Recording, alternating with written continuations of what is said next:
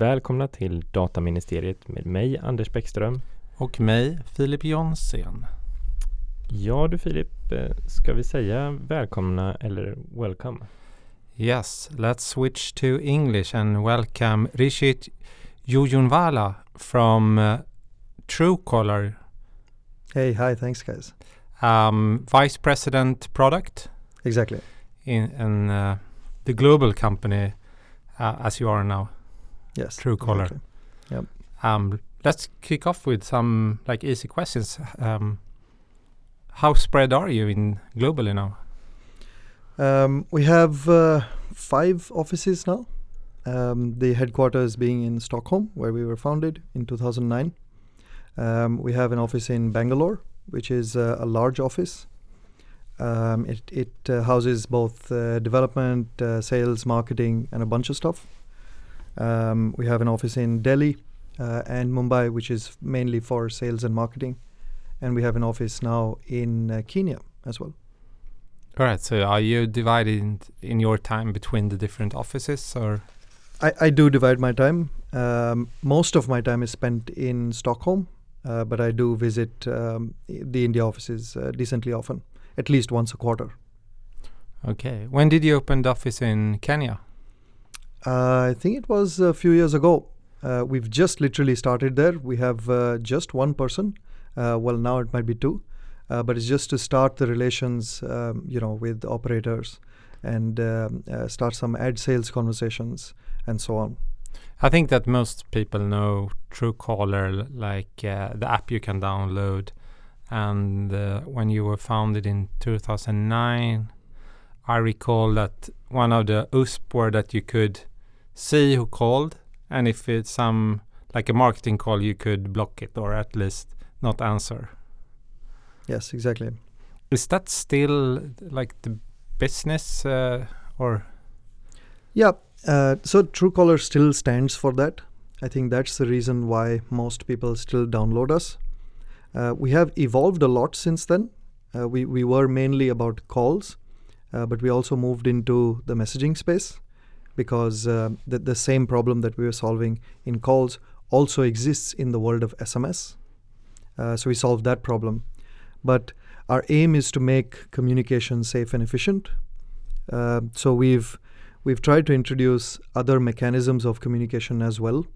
So today, Truecaller is actually a full communication app where not only can you make you know cellular calls and manage your uh, SMS, but you can also make uh, voice or IP calls. Um, you can send instant messages uh, as well.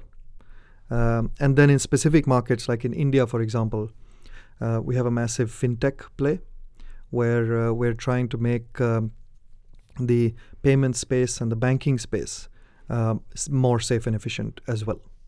Oh, okay, that's really interesting. Can you like elaborate a little on on that part? Sure. So we, we believe that um, al- along with your communication, one of the aspects that uh, you need to have to complete your communication experience is to be able to send and receive money. Um, and with the um, focus of the Indian government on uh, digitization of money, um, we thought it was a great opportunity uh, and we latched onto that.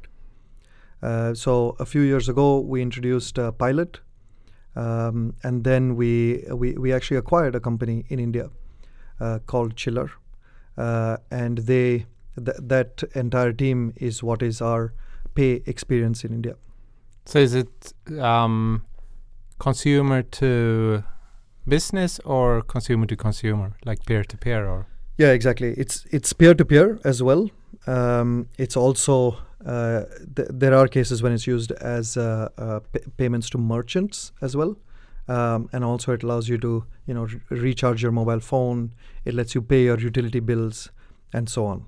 Oh, okay. So is it similar to Swish? Yes, exactly. We, uh, we, we, we, we actually tried to do that. We want to become the Swish as well. So j- you, you have a mobile number uh, and you can do many things with it. It's a very intimate thing to you. Um, and not only can you message and call, but now you can also send money and receive money uh, from your mobile number. Okay, and this is live in India. Yes, it's been live in India. Yeah. F- how many users do you have in uh, in India specific?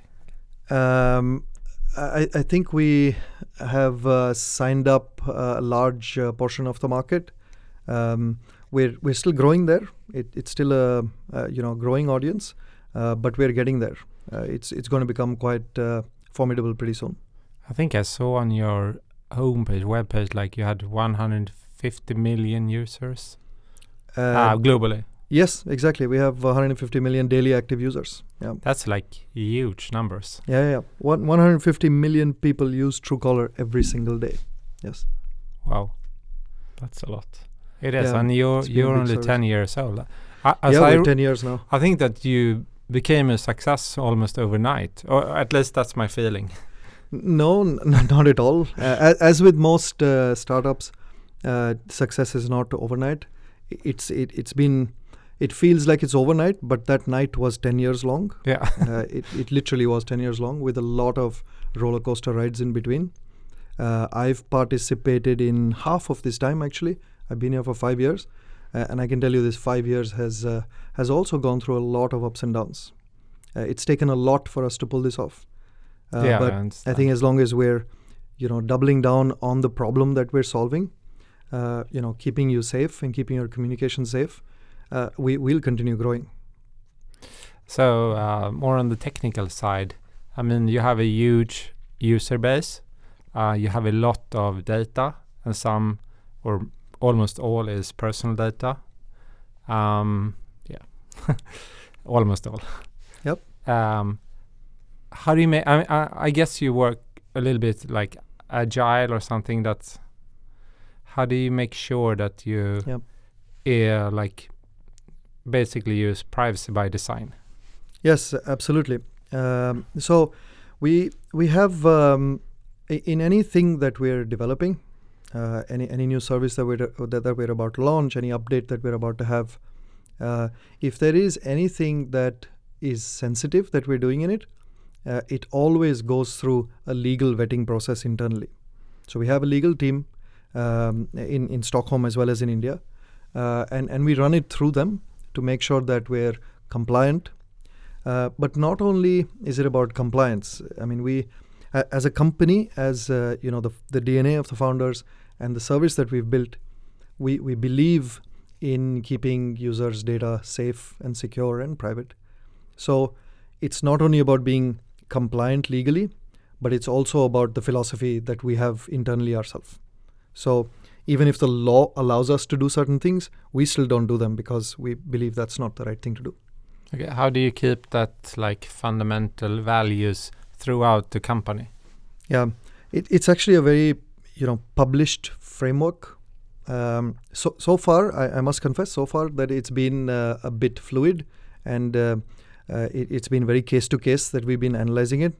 But we realized this year that uh, you know privacy uh, is is getting more and more mainstream, and uh, so we've actually drafted a, a very clear and simple to understand framework of how what types of data what levels of consent, what levels of control, uh, what should we do, what should we not do. It's a very well documented framework that we have now. Um, internal framework. Yes, exactly, internal framework. So there's no ambiguity anymore on uh, how we should do things. Uh, it's uh, you know we've we've adopted a policy of uh, of creating a lot of trust. How do you make? I mean, this is like a million dollar question that everyone struggles with. How do you actually make sure that everyone lives up to it um, all across? I don't know how many employees do you have, but I guess you have a lot. And in Yeah, we're about 200 people now. yeah. Um, yeah, that's a tough one. Uh, how do we make sure we we have checks and balances in place, uh, not only in the development cycle, but actually even pre-development in the design phase itself. We vet the design, we vet the copy, uh, if that's uh, compliant. Um, then we go into development. In the testing phase, we vet it again. Um, so there are there, are many stages where we make sure that we haven't uh, messed up and we, we haven't gone against that framework in any way. And uh, I mean, as you said, um, uh, privacy has become more or less mainstream, and we saw n- new legislation in uh, almost, I mean, globally in all countries. Um, do you like adopt the product uh, country by country, or are, are you like applying the highest standard, or how do you do? Yeah, uh, that's a good question. We we don't apply country by country, um, simply because the laws are very different in each country. Uh, I mean, we know in Sweden, for example, if you look up my name, you can find my phone number, you can find the salary that I earn, the cars that I own, my wife's name. You you can find my address. You can find anything. Um, but but in India, this would be super creepy. So we we, we actually don't follow each law. Uh, we we've taken an approach where uh, as long as uh, we not only are we compliant by law, but we're also uh, making sure that we're not breaking trust of our users anywhere. That's the guideline that we follow. So maybe we could do some things in you know slightly more progressive countries like Sweden, uh, but we still don't do it. We've we've still been very careful. Uh, for example, I think location data in in Sweden you can find my address based on my name, but we don't allow things like that on our platform at all. So, So- uh, if I may ask, what, what's your like uh, opinion? How, if comparing people like the Indian population to Swedish population, the general public, uh, how do an Indian think about privacy uh, compared to Swede? Um, You said that um, just Google a name would be really creepy in India. Yeah, it would it would be really creepy um, if if you were to find uh, people's phone numbers by just uh, typing in a name. I- It would be really creepy in India. I can tell you that. I I- think Sweden is a more trusting society overall. Um, I I- I don't think that would fly in India for sure. That's really interesting. I always said that uh, even within Europe with the GDPR, we will struggle with different um, um, history and, and so on among the different countries. Um, I have noticed myself in my company that Germans and Swedes think very differently Yeah, absolutely. about uh, I mean, in India, for example, uh, I can tell you that uh, women uh, getting into a taxi uh, and and therefore, you know, maybe having a, a conversation about where exactly they're supposed to meet in the cab, uh, they they're really scared about sharing phone numbers with the, the taxi driver. They they make sure that uh, you know they they have a verified Truecaller profile, for example, so that it's uh, it's it's a trusted uh, party or in uh, parts of Africa where they actually use Truecaller's verified profile uh, before they give a job offer to someone, uh, b- because that can cause problems. So in in many different countries, it works very differently. So, so what is that uh, verified uh, Truecaller profile? All right. So it's um, so when when we display a name on Truecaller, uh, we we have various ways of judging if this is definitely that person or not. And if we are 100% confident that this is Rishit or Andesh, then we we have a little tick mark uh, on on Truecaller against that name. That means that we're 100% sure that that is the person who it says, and and that's what verified is. Uh, is it that done like the assessment on the sign up or? So if Uh, I s- should sign up for Truecaller, you could, yeah. Now I'm a Swede, so it's fairly easy to verify, I guess. Yeah, exactly. Uh, but in India and many countries, it's not like that. Uh, how, how we verify it is that uh, if if you provide a name, and we have enough matches and enough people say that this is really your name, that's when we get enough signals that you are really that person, Hmm. and that's when we verify you. So it's a little bit like uh, what do you call it? I, I like. Um, Some, some kind of blockchain almost, isn't it? Yeah, It's- it's, it's uh, kind- kind of, crowdsourced, um, uh, decentralized. Yeah. Yeah, exactly. So you, if I understand it correctly, you can um, verify these users based on other people's uh, phone books. Is, is no, not uh, from phone books. Um, we so uh, I, I can talk about a little bit about our data sources itself. Yeah. Uh, we we have a bunch of data sources, right? F- firstly, we have a huge number of users themselves who create a profile voluntarily. Yeah. So when I sign up to Truecaller, I say that this is Rishit and here is my mobile number, right? Uh, the second data source we have is we have a bunch of data partnerships. Uh, b- basically, these are providers of data that have licensed the data from from pe- people like operators and so on. Um, we have a large number of users. I mean, we just spoke about 150 million users use the product every day, and a big source of our data is users suggesting names themselves. Right. So Yeah. I, I can actually, if, if I see a wrong name, I can tell Truecaller that this was the wrong name. Here is the right name. Uh, we also have businesses who write to us and give us their, you know, list of numbers that they possess, and and they say all of these belong to me. Please set them as me. So we have we, we have a bunch of data sources. We collect all of these data sources, and the the algorithms have been you know honed over the last uh, ten years to predict which is the right name to show up. And if we have enough sources telling us that that's the name, that's when the user gets verified. So it's a very small audience in our uh, system that is actually verified, um, but that that verified badge is a very powerful badge in in many countries. It's treated as a very trusted scoring mechanism almost. yeah. So they use it almost as an ID. Yeah, exactly, E- exactly. Yeah. Super interesting. Yeah. Super interesting. Um, Yeah. Could you also invite people to like send, like I think you can do that in WhatsApp or some other like communication platforms. Like I want this people to or this person to sign up. Yeah, we do have an invite mechanism, um, and we have a reward at the end of it as well. Uh, we we actually give you premium if you invite enough people. Uh, you you can upgrade to premium for free basically, if, So, if you uh, invite enough people. Yeah, I forgot to ask that in the beginning. If if the product you can download it for free, I think. Yeah, absolutely, it's a free service. How do you make money? Uh, two sources. Uh, one is our premium subscription. Uh, so while the product is free to download, we do have a premium tier which unlocks a certain set of capabilities. Uh, it's it's meant for uh, like a power user. Uh, the second is of course advertising. Um, uh, both of these have been our sources of revenue, which have scaled up uh, fantastically well over the last few years. I think that's interesting to see, and I think more and more subscription services will come. Actually, people will be more willing to pay for services instead of having free services.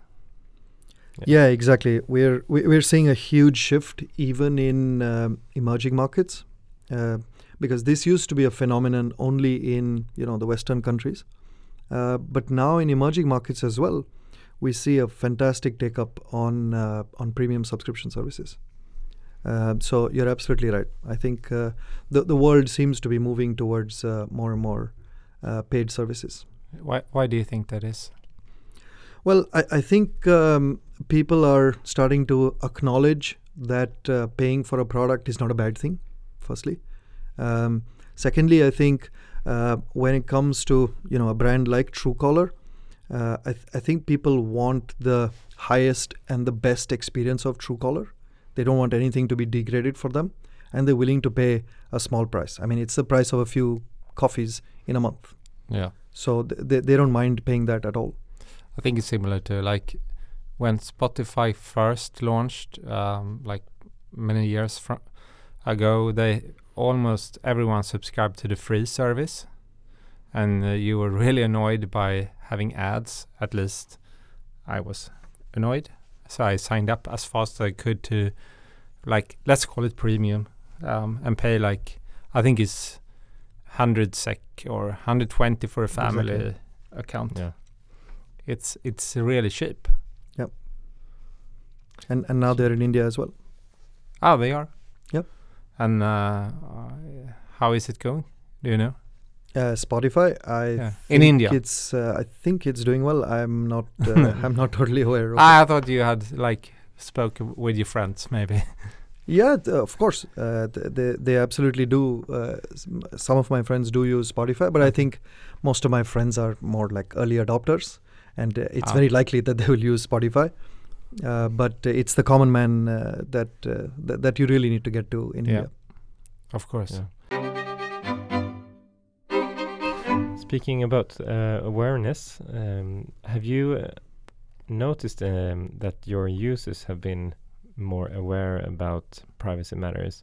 Uh, have they launched complaints or have they tried to use their rights uh, in a different way before and after the GDPR? Right. So honestly, we haven't, um, and I think the reason for that is uh, we've we've been very very conscious about privacy since the beginning.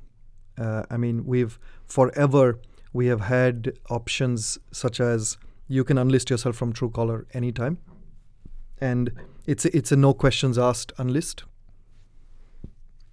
Um, and this unlist um, actually is a, is a permanent unlist as well. It's not a temporary unlist. Um, we've always had options like you can edit the data, uh, you, you can edit your own data anytime in Truecaller. Uh, we, we've always stood for those things. Uh, secondly, I think, uh, I mean, we, we, we are the ones that actually keep you safe from prying eyes. We, we are the ones that make you avoid scams. So users place a lot of trust on us. We, we're treated as a, you know, a bodyguard uh, and and so I think we've we've been fortunate that, that that's the perception we have, um, and and that's why we haven't seen uh, much of a difference. Uh, y- yes, we've done a few changes. Uh, there were certain controls that we had to build, uh, like certain fine-grained controls we had to give. Uh, I, I, think you, you, mentioned some of them, like show me my data. Um, export my data and things like that. Yes, we've introduced those things, but it's it's not very popular uh, I, I, can tell you that. Yeah. Uh, I mean, they're, they're, exposed in the app, um, in in the settings. We we have a full privacy center uh, where we've we've provided every control possible, but we haven't we, we haven't got many requests from our users. So I, I actually, I mean, we spoke uh, about your privacy center or your web page with privacy information and different settings, and I was quite uh, enthusiastic about it. I think it's really easy to understand, and not all web pages or all companies' privacy pages are easy to understand. Um, oh. They are written by lawyers like me. I think you had your communication write it, or someone similar. You're absolutely, you're 100% right. Um, we, we have a full privacy policy with the legalese, of course. Uh, but what we felt was that consumers don't understand that you know seven pages of privacy policy necessarily, and and they're actually only concerned about four or five most important things. Um, so we said, why not show it upfront? Tell users, the, I mean, be very transparent, be very clear, be very easy to understand. Don't hide behind privacy policy. The, I mean, we we we've always believed in in doing those things. So yes, absolutely. It it wasn't. Uh, it's been crafted by our uh, marketing team uh, of course, in conjunction with our lawyers. Yeah. Uh, but it has been crafted by a marketing team. Yeah. So one of the sections that I really liked um, is the one with the Q and A, because my first uh, question would be like, if you sign up for Truecaller, will you harvest my phone book? Um, I think that's the first or second question, and it says no, we don't. Yeah. So I mean, is we, that only a uh, rumor? we we uh, yeah I believe I believe so. Uh, we are um, you know, look we our, our distribution just like any other app comes from two app stores. Um, one is owned by Google, one is owned by Apple. Uh, both of them have their uh, you, you, know laws in place. Uh, if if you violate that, you you will just get removed from the app store. Um, so uh, we we're 100% compliant to both of them. we we can't do nefarious things. We we don't intend to either. Uh, so we we don't do weird things on those platforms. We're absolutely 100% consent based. We don't take extra permissions, and we've really gone overboard to make sure that we are treated as that uh, trusted partner inside your phone. So a couple of years ago, um, I know that uh, Working Party or the Article 20, 29 group of the EU Commission, or actually the um, like the collaboration between data protection authorities, wrote a letter to you with um, some questions about basically the setup. I think. Yeah, yeah, I, I do recall we had uh, received a letter. Uh, we had conversations with them. I, am sure we responded to them as well. Um, I, I honestly don't know much more than that, uh, but I can tell you that we are uh, fully GDPR compliant. Uh, actually, even before the date kicked in, we were uh, compliant.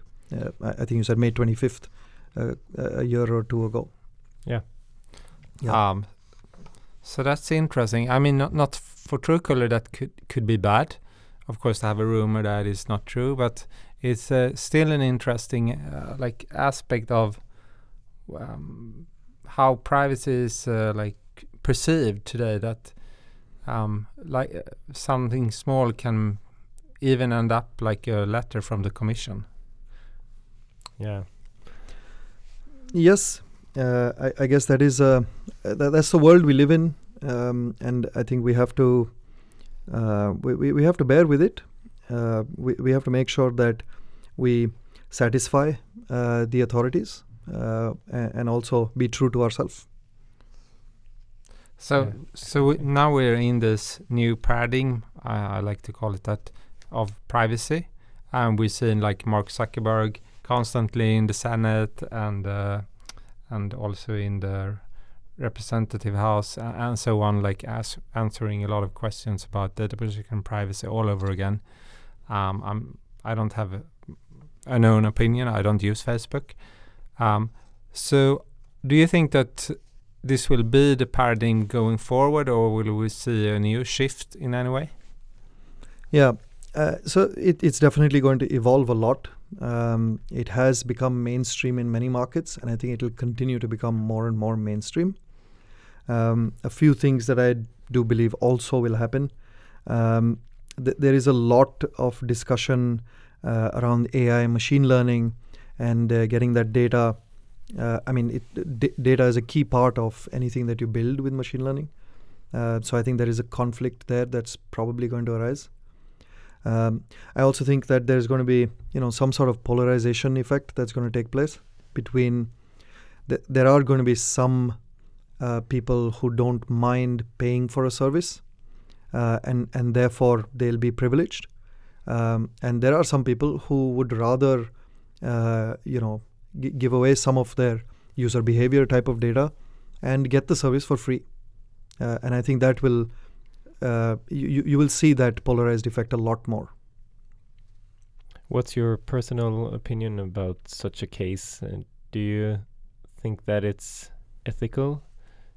Do you think that every uh, individual have their a true choice, so to say? Y yeah, absolutely. Uh, uh, for sure. I think everybody has a choice of uh, what data they want to give away, um, what data they want to keep absolutely private. it's it's a very fundamental right. Yeah. well, I had a look at Wikipedia and uh, looked at your Wikipedia site, and they mentioned uh, WeChat in China, I think. Uh, is that your kind of largest? Uh, how do you say it? Uh, competitor. yeah. Competitor. yeah. No, uh, I, I think we, we have been compared to WeChat uh, many times. You're absolutely right, uh, because we are heading towards uh, an app which does many things, and WeChat also does many things. but I think we are very different because we come from the trust and safety angle. we we we want to make communication safer, uh, and and that's that, that that's our way to get into a user's phone, right? Um, we have been compared to them, uh, but I think we play in very different markets as well. Um, yeah. WeChat is not uh, that that popular in uh, some of the markets that we uh, are popular in. Uh, I think they're primarily Southeast Asia, China. Um, so yeah, I I think that comparison will be made uh, but I think we're quite different at, at, the moment for sure. Yeah. Is it something that you uh, bring up in your own marketing that we're not, we're Truecaller, we're not WeChat? Uh, so, the, like I said, in, in these markets that we play in, uh, we, we don't need to consciously make ourselves stand apart from WeChat. Uh, I mean, I'm, I'm not trying to brag or anything, but I think we, in some of these markets, we're a bigger brand uh, than WeChat. Uh, so I think they they might have this challenge if they come into our markets in a big way. Okay, I see. So, what's uh, like your next step? Um, you mentioned some about uh, some form of uh, money transfer. Um, do you see new markets or new functionality? Uh, we see both actually. Uh, we've had a fantastic run uh, so far. Uh, we've grown a lot.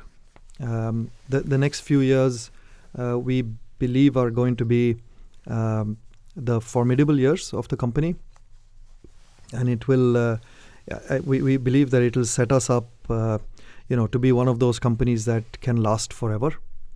Um, and that's why I think it's going to be a lot about new markets as well.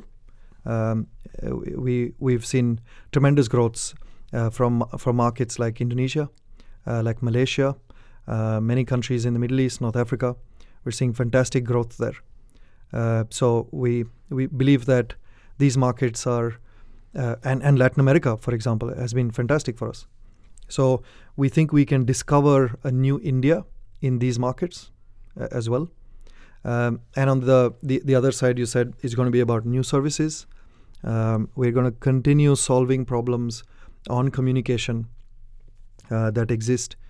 Um, we, we we still think that uh, we've just scratched the surface on how do we make communication more safer and more efficient. Uh, the world of communication also is evolving. I mean, people are using new methods of communication. They're using uh, new formats of communication. Uh, uh, human behavior is changing as well. So people want to communicate differently as well. So we, we have a long way ahead of us actually in, in both new markets as well as new services. Can you reveal some like um, cliffhanger about some cool new feature or service? Uh, no, no, not really. Um, but, but but I can tell you that um, uh, it's we, we we are playing in the voice space as well. We are playing in the messaging space as well. Um, we we have a huge focus on fintech in in India as well. Um, I, I I don't recall if you mentioned it. Maybe you mentioned. Do you have video call like or like video conference like Zoom uh, and similar stuff? We we did uh, a few years ago. We had a partnership with Google, uh, where uh, we, we we powered our video calling using Google Duo, uh, and and that partnership actually did really well. Uh, uh, it ended, I think, last year, if I'm not mistaken. That partnership ended, but even today, I can tell you, people ask us to bring back video calling. Uh, so we are definitely looking at uh, video calling as well. So um, I'm not sure how, how much it's like broadband and what's the capacity in India for uh, like the infrastructure and also in Africa. Yeah, you'd, you'd be amazed um, when, when you go to India now. I mean, in just five years that I've been in Sweden, uh, and I go back every now and then, the change that I've seen in India is amazing. I, I can see like my family members, uh, like my parents who aren't very tech savvy. Uh, my, my father watches sports events in the car on his way to the office uh, without any buffering, no interruptions whatsoever. How, who's It's- driving? The, dri- uh, we, the, the chauffeur, basically. Okay. Uh, but, but but I can say that that's how good uh, the infrastructure has now become in India.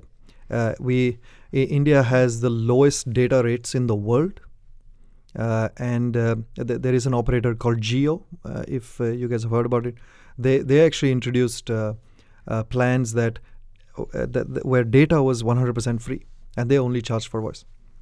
Aha, okay. Uh, s- sorry, the the other way around, where they only charged for data and voice was 100% free. But their limits on data were so high that I, I- I think now i- we back in the day you couldn't assume that Indians, a- an Indian user always had data, but now not only do they have data, but they have a good phone, uh, they have consistent data, uh, which which doesn't keep breaking. They have good speed of data, and they don't mind using it because it's not, you know, prohibitively expensive anymore. So is that throughout India or only in the cities or? No, it's absolutely throughout India. Uh, the, the the major growth that we see now is actually from tier two, tier three cities even. Uh, so absolutely, the common man has uh, a, a good internet connection uh, Yeah. in in their pocket now. What is that tier one, tier two, three, four? Oh, sorry. Uh, I, but what I mean is, uh, by, by tier one, I mean the big cities: Delhi, Mumbai, Bangalore, Hyderabad. Uh, tier two is the not so large cities, and tier three is even smaller cities. Okay. And uh, in Africa, is it a similar picture? It's it's a very similar picture in Africa as well. We're seeing uh, no. Uh, no, no stopping of uh, data proliferation in African markets as well. I think that's so interesting because it's much much easier with uh, since I mean mobile phones has been around for a long long time, but it's only l- the last 20 years that it's like the common man, and it's much easier to set up uh, mobile um, telecom. Uh, what do you say? Masts, Towers. towers, Yeah. yeah, and and landlines. It was like a Western phenomena, more or less. Yeah, exactly. um, now it's like I think in South America it's like exploded with mobile phones into ra- some rural areas where they didn't have have landlines at all. Yeah. And just to give you an example, uh, the most followed YouTube channel on the planet is an Indian channel. It's not uh, PewDiePie anymore. Oh, And what, what is what it shame. about? it's uh, it's uh, Bollywood um, music Yeah. uh, slash uh, vi- video and and movies uh, company. Uh, they, they're called T Series. Uh, they, they- they're the largest in in in the world because uh, that many Indian consumers now have access to cheap data, and and and that's why they go onto YouTube to consume their content. They might not even have a television at home, but they have their mobile phone with a great data plan, and they and they go to YouTube and consume their content. That's we actually don't have an antenna. We only stream everything on our telly at home. Yeah, exactly. S- Same here for me in Stockholm. I, I don't have uh, a cable anymore. Yeah, we we do have this digital box that no one of us knows how how it's supposed to work. Um, I think all all that kind of TV and such is it's gonna be a couple of tough years. Yeah, I think globally, it's uh, cable TV has been hit hard by streaming. So you're from the tech side. What do you say? You you mentioned uh, artificial intelligence before. You mentioned that you use some form of algorithm to make sure that the user is the user, and I guess you follow like the tech world. Um, what is the next thing after AI? Right. So, so I'm not that deep into the tech side of things, honestly. So I'm probably not the right uh, person. Um, uh, but but there is a lot going on in uh, the AI machine learning space. Um, I, I think uh, it's just started. Um, we've uh, we we were one of the early ones to adopt it because uh, that's what the service demanded, and I think that will continue to happen a lot. Yeah, we've we've just started. How do you make sure? I mean, the discussion is that the AI or the robot can be biased, and they like it's not better than the the person coding it. How do you make sure that that's not happening? Yeah, I'm. I, I, I'm- probably not the best person, but personally, I don't think that uh, robots can replace humans any, anytime soon. If that was your question, yeah, Maybe. okay, yeah, no, I, I, I don't think so. I think there are some repeatable tasks, of course, that robots will be able to do in, in the near future. Um, but to replace humans, I think we're quite far away from that. Um, maybe, you know, 25, 30 years probably away from that. Oh, that sounds good. Oh, not for my children, but for me. but, uh, but but the thing is that things will evolve by that time. Uh, so so while today's tasks that humans do that might change, um, and and some of them might get replaced by robots. But I think the jobs that humans will have then will also be very different, uh, which has always been the case, right? The, the like back in the day, there, there was no machines, and and therefore humans had to do everything, and and then things evolve, and and we've reached a stage when humans do different things than they used to do 100 years ago, and I think that will continue to happen. Humans will will do different things. The, the world will evolve to make humans do different things. So it's not like humans will become useless. Uh, uh, they, they will just do different things.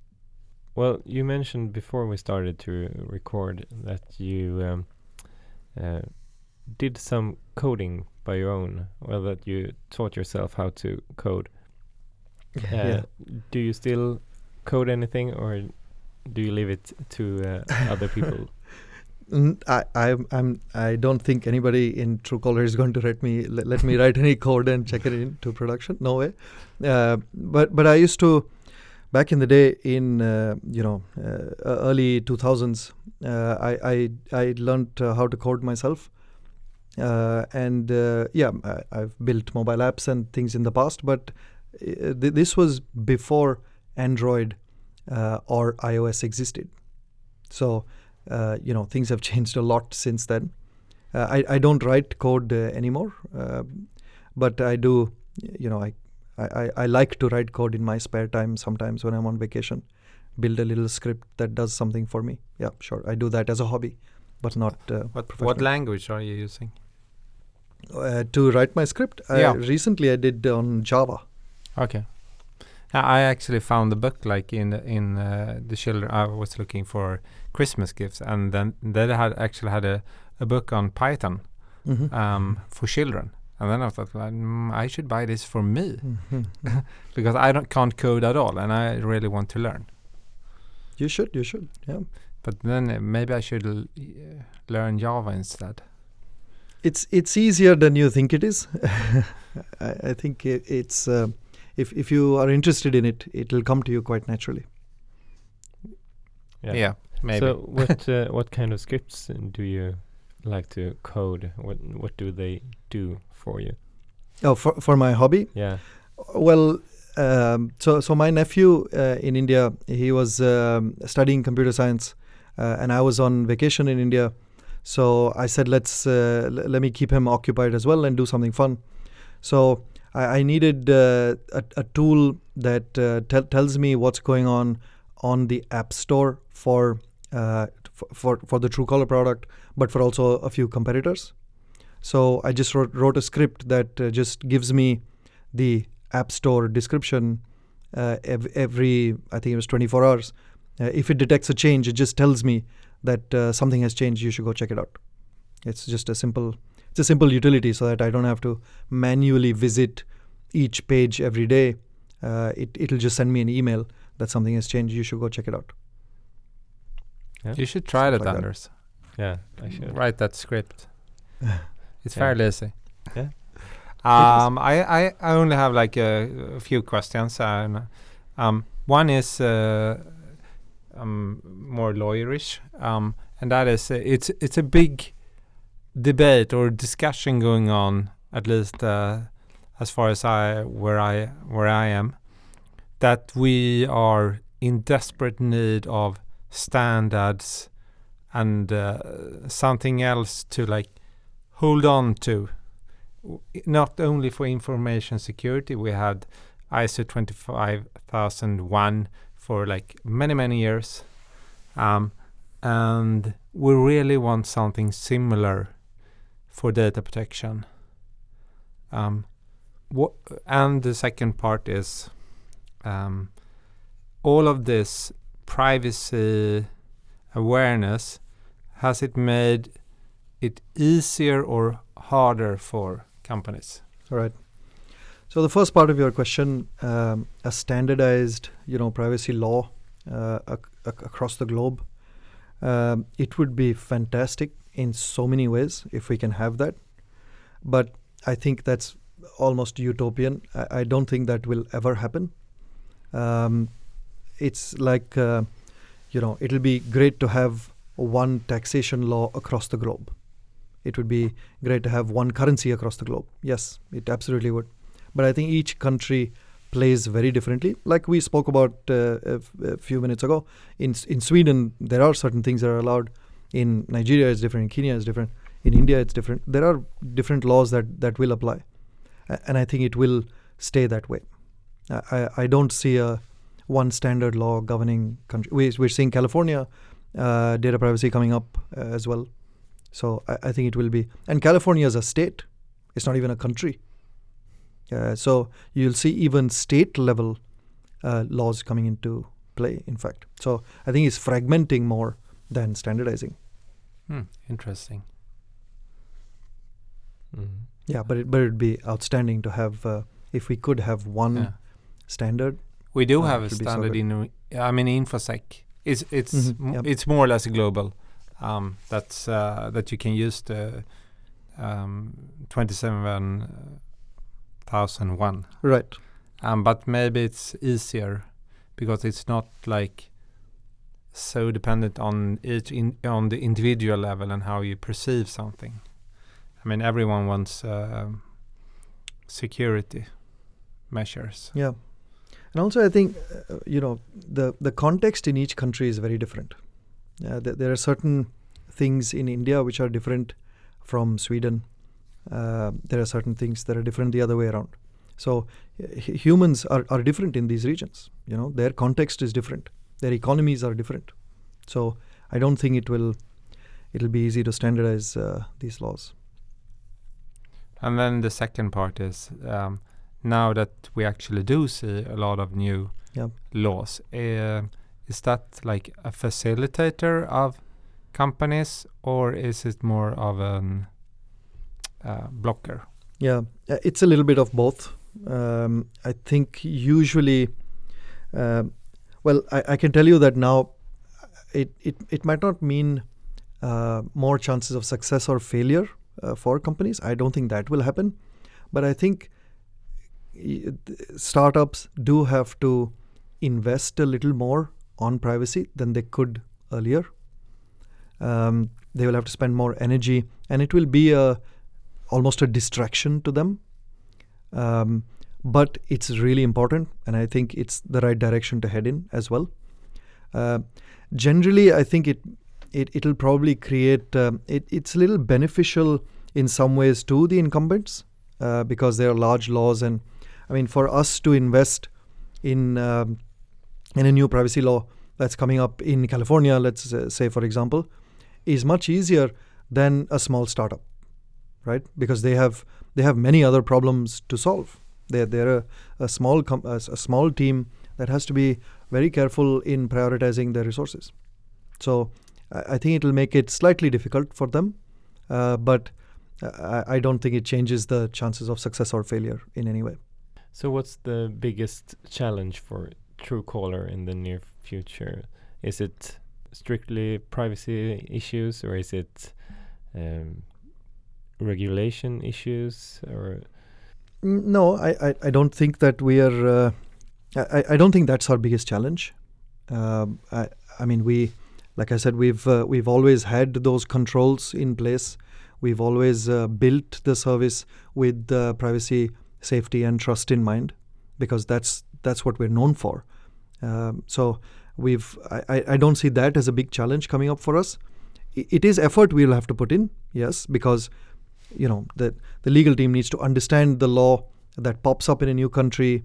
Uh, we have to engage with external consultants uh, sometimes to be compliant with that law.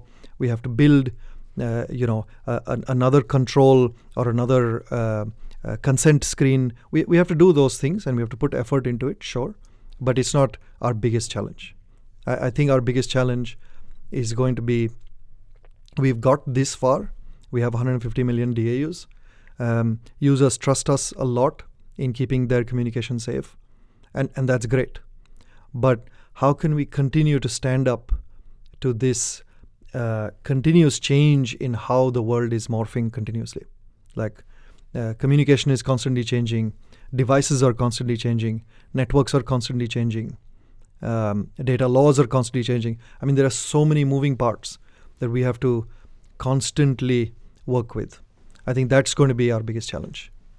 That we, we have to we have to make sure that uh, the user's interest we, we don't forget about with all the rest of the things that we're doing. Like if we if, if we grow 10x in a new market, it means that we have to put in a lot of effort into that market to sustain that growth. Uh, wh- while continuing to not forget that we have 150 million existing users also who are who, who have downloaded who have taken the effort to download the app. Some of them have paid us upgrading to premium. They're, they're using our product as well. So we have to enhance the service for existing users and continue to solve the problem that we're solving because that's our promise to them and we have to also look at new users coming on for the first time to truecaller and how, how do we make sure that they too are satisfied? Because they have different problems as well. 10 years ago the problems in communication and today the problems in communication and 5 years later the problems in communication are very different from each other. So i think that's going to be our biggest challenge to find the right problems to solve. Wow, I think that's like an excellent endpoint. Yeah, I think so too. Um, we're deeply honored that you wanted to be our guest No, and thank uh, you thank you very shed much a lot of light about Truecaller um, and how you think about privacy in your development phases and thank you very much Yeah, it was very interesting conversation thank you och eh, tack till er alla lyssnare. Ja, tack ska ni ha. Vi hörs.